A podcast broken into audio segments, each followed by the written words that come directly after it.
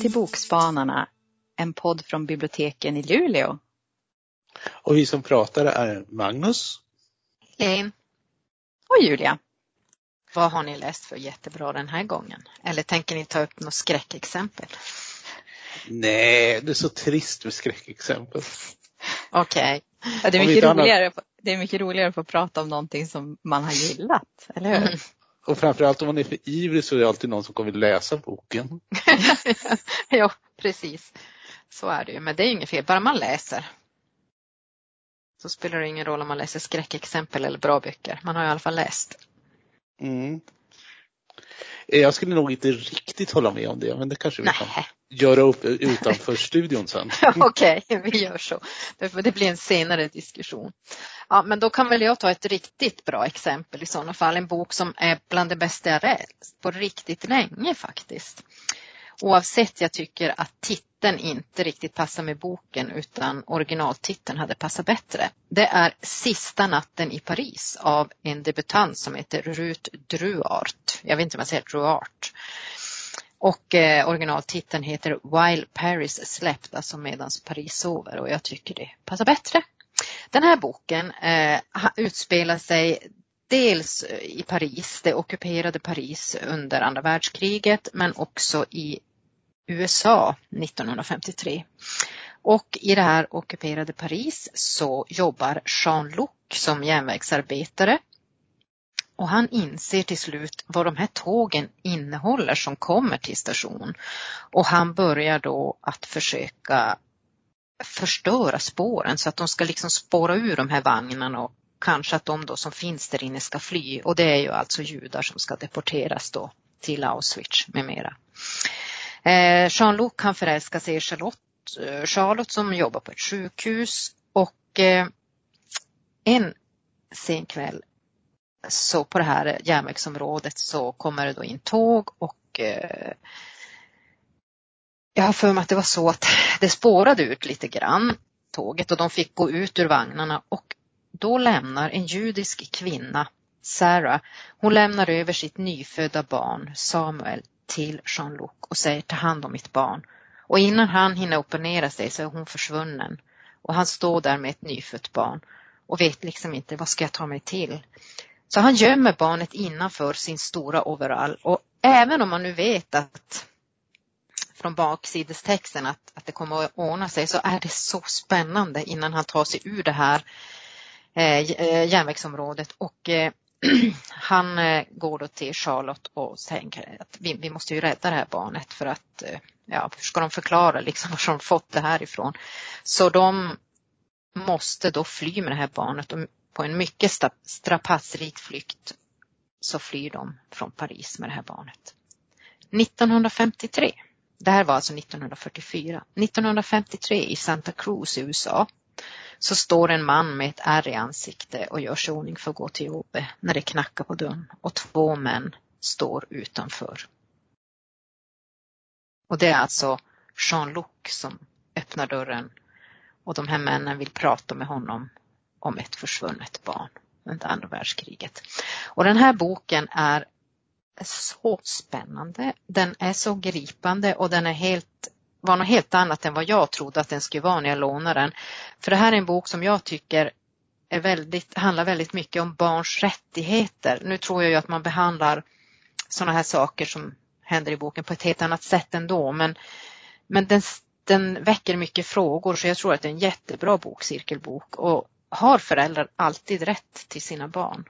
Är det viktigare att föräldrarna får ha hand om sina barn än bar, vad barnet tycker? Alltså den är så otroligt gripande. Man kan som inte sluta läsa och man blir upprörd och man, ja, man får så mycket känslor när man läser den. Eh, så att den här tycker jag verkligen att ni ska ta tag i. Det är en fantastisk debutbok måste jag säga. Jag ser fram emot hennes nästa bok om hon kan hålla den här kvaliteten verkligen. Eh, och den här boken har jag bara hittat som e-bok. Jag har inte hittat den som ljudbok än men jag hoppas de läser in den verkligen. Sista natten i Paris av Ruth Ruart. Och när du säger e-bok, då menar du en textbaserad e-bok? En textbaserad e-bok, precis, ursäkta. Absolut, men jag har också läst liksom en uppväxt skildring fast då i en i autofiktionsform. Och autofiktion, då är ju, det är ju som en genre där man blandar fakta och fiktion. Och det här är liksom som en självbiografi men i form av en roman. Så man vet inte riktigt vad som är sant och inte. Man har som skrivit om det lite grann. Och det är Den som lever stilla av Leonora Kristina Skov. Och hon är en dansk litteraturkritiker. Och hon har då skrivit eh, en stark skildring om saknad och sökande efter moderskärlek. Och jag tänkte jag skulle läsa ett litet stycke från början. Och då sitter hon, hennes mamma ligger, är inlagd på hospice och hon ligger för döden där. Hon är sjuk i cancer. Mammas hand sökte sig fram över täcket och slöt sig om min. Kanske tog hon fel på min hand och någon annans. Jag väntade, men hennes hand höll sig fortfarande kvar. Jag är ledsen för att jag inte kunde vara den dotter du önskade dig, tänkte jag. Att åren har gått utan att vi har talat med varandra om det. Att jag lämnade dig vid vägkanten och fortsatte ensam, för så har det känts. Som om jag sprang ifrån mitt ansvar och det jag satt till världen för, nämligen att göra dig lycklig. Eller att försöka göra det. Kommer du ihåg den gången du var lycklig? Eller såg du bara så ut på de gamla fotografierna från innan jag föddes? Liksom berättarjaget eller som också är författaren Leonora. Hon skriver om sin uppväxt och livet och det är ju brutalt, ärligt och rakt liksom. Om en ensam uppväxt, hon är enda barnet, när hon kände liksom att hon måste bete sig på ett speciellt sätt för att hennes föräldrar skulle älska henne. Alltså för pappan kom mamman först i allt. Mamman kunde inte hantera känslor så det var som att hennes tårar styrde allt som hände i familjen. Och som jag, liksom boken börjar där på när mamman ligger på hospice och väntar på döden. Ehm, och då liksom är hon där och från och med det, det får vi liksom se liksom tillbakablickar för, från hennes uppväxt och hon vet inte liksom när mamma ligger för döden vet hon inte heller hur hon ska hantera det. För att hon, hon är fortfarande söker hon efter den här bekräftelsen från sin mamma som inte hon har fått när hon växte upp. Liksom. För under uppväxten då kändes det för henne liksom som att allt som gick fel för mamman, hennes depression och till och med hennes bröstcancer skyllde hon på Leonora. Ehm, och hon blir utplånad liksom ur föräldrarnas liv på grund av att hon kommer ut som lesbisk när hon är 21 år. Så då har hon ju ingen kontakt med dem utan då har hon bara under några år kontakt med sin mormor. Men hon hittar ju, hon finner ju liksom inre styrka och hon får bekräftelse till slut liksom och kärlek av sina vänner. Men som jag sa tidigare, hon fortsätter ju, alltså hon, hon kan inte sluta liksom söka den här av, av, av, mamman. Det tar upp mycket liksom känslor, mycket, känslor hon, hela tiden är det någonting som hon tänker på och grubblar på hur hon ska göra. Och Leonoras mamma är ju liksom, hon är en komplicerad kvinna men porträttet är inte bara liksom svart av henne utan det, det finns även liksom nyfikenhet och kärlek och det finns många starka kvinnoporträtt i boken. Liksom hennes mormor är en stark liksom, kvinna där. Liksom. Så det är ju inte bara en uppgörelse med föräldrarna utan det är också, hur, också om romanskrivandet och vad man kan skriva om och vad man inte kan skriva om. Och så att hon har ju som skrivit liksom det är nästan som en metaberättelse. Hon har, hon liksom, författaren har skrivit om en författare som skriver om sina föräldrar och vad hon kan skriva och inte skriva om. Så det är som flera olika liksom, lager i det där. Så det är verkligen en stark läsupplevelse och man blir som gripen eh, av henne och liksom styrkan det kräver att kunna skriva liksom, om en sån uppväxt. Men ändå inte vara liksom nattsvart. Alltså det är ju så lätt att det går över i att det är någon som, att allt blir svart och vitt och att föräldern är liksom den onda skurken. Men det är liksom väldigt liksom fint liksom förstående skrivet så det är väldigt, väldigt bra. Och den här finns ju både som talbok, e-bok, e-ljudbok och ljudbok tillgänglig. Så vad man än vill läsa eller lyssna så kan man ju göra det. Så den som lever stilla Leonora Kristina Skov. Läs den tycker jag. Och hur ska jag fortsätta? Ska jag lyckas presentera något känslomässigt äkta eller något 100% artificiellt? Jag kör på det konstgjorda. Jag ska prata om att vara istället för att läsa. Jag ska prata om cosplay. Och om ni undrar vad cosplay är så betyder det egentligen costume play. Och det är när man klär ut sig till en fiktiv eh, figur och så går man runt på en seriemässa och ser ut som Super Mario eller alla de där manga-karaktärerna som jag måste sitta intensivt och googla på för att liksom fatta alls vad det rör sig om. Och första gången jag stötte på cosplay det var när på Norsken som är en sån här spel och eh, bokmässa i Skellefteå. Eh, jag hade varit och lyssnat på föreläsningar hela dagen och så bara damp jag ner, dampade jag ner liksom. Jag tänkte okej okay, nu sitter jag här och lyssnar på det här utan att lyssna. Och så ser jag att den som sitter till höger om är väldigt bekant. Och så sitter, jag känner ingen Skellefteå. Och så när jag sitter och sneglar så, där, så inser jag att det är Super Mario som sitter där. och så tittar jag åt vänster och där är ju liksom Link ifrån Zelda. Och då börjar jag känna att det här är lite creepy. Men det är precis det som cosplay eh, handlar om. Alltså man lägger ner kanske massor av pengar, mycket energi och så är man någon annan. Och, och det här har folk hållit på med sedan 32 ungefär. Och det var första gången som någon dök upp utklädd till en figur från en film på en science fiction-mässa. Och det finns ju massa andra sådana här litterära sällskap som Jane Eiter som älskar Jane Austen som också klär ut sig. Men jag antar att det finns liksom någon gräns. Liksom, det vet jag ju med olika subkulturer, de går oftast tillsammans som olja och vatten ungefär. Inte alls. Så när andra grupper gör det så kallar de säkert något annat än cosplay. Och det bästa sättet att bekanta sig med cosplay det är att låna boken Cosplay Fever av Dunlop som är en ungefär 250-sidig fotobok med bara bilder på folk som har klätt ut sig till någon annan.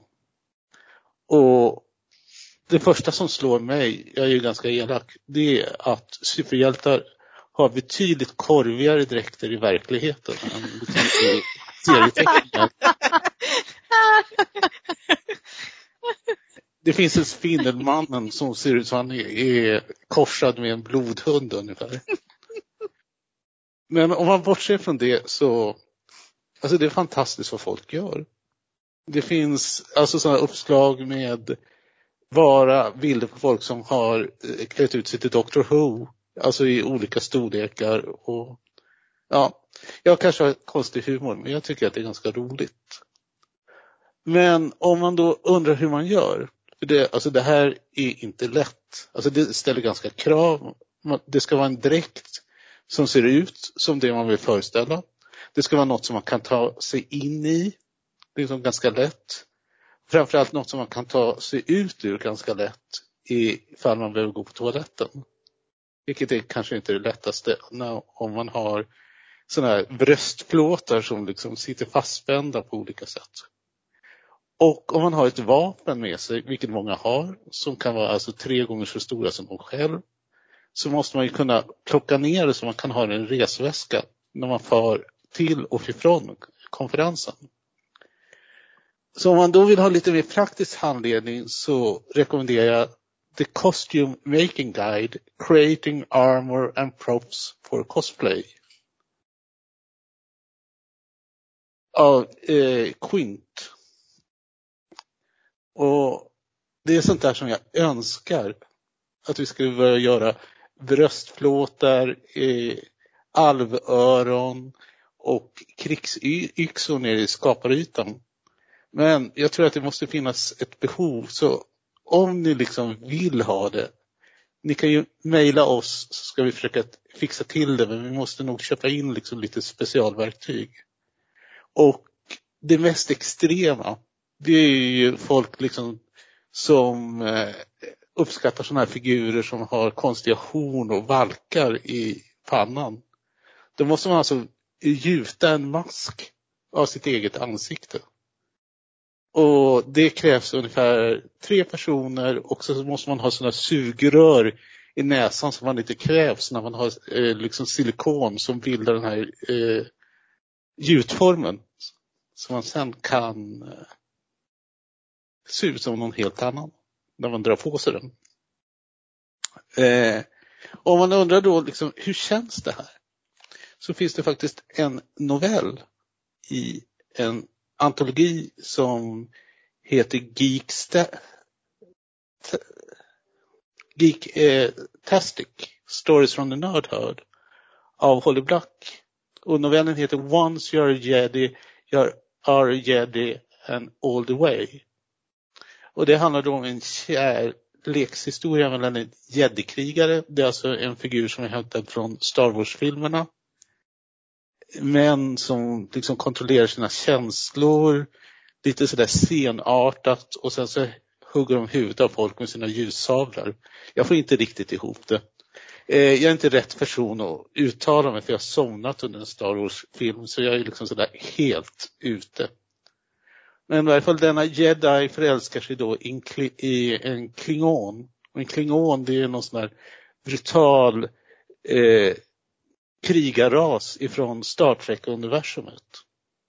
Så du har denna milda man och denna liksom minst sagt bullriga kvinna som förälskar sig i varandra och deras vänner liksom blir upprörda. Det är ungefär som Romeo och Julia fast med proteser. alltså får jag fråga, är det här samma som man förut kallade för live? Nej, eh, skillnaden mellan cosplay och live det är att om du, eh, live det är liksom en sorts eh, föreställning. Mm. Alltså du är ute i skogen, du får en roll och så ska du leva i den rollen under en viss period. Okay. Så cosplay, där är du en karaktär. Mm. Och sen har jag inte riktigt fattat vad de gör. Alltså de går runt på seriemässor. Jag antar att man liksom, om man är krigarprinsessan Xena eller något sånt där så ska man ställa sig med yxan så där ibland när någon vill fota. Jaha, okej. Okay.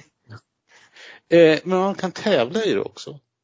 Och tydligen så finns det ganska mycket, alltså höga prissummor som man kan eh, vinna. Men den främsta anledningen till att göra det enligt liksom texterna i böckerna, det är att folk upplever att de kan vara sig själv.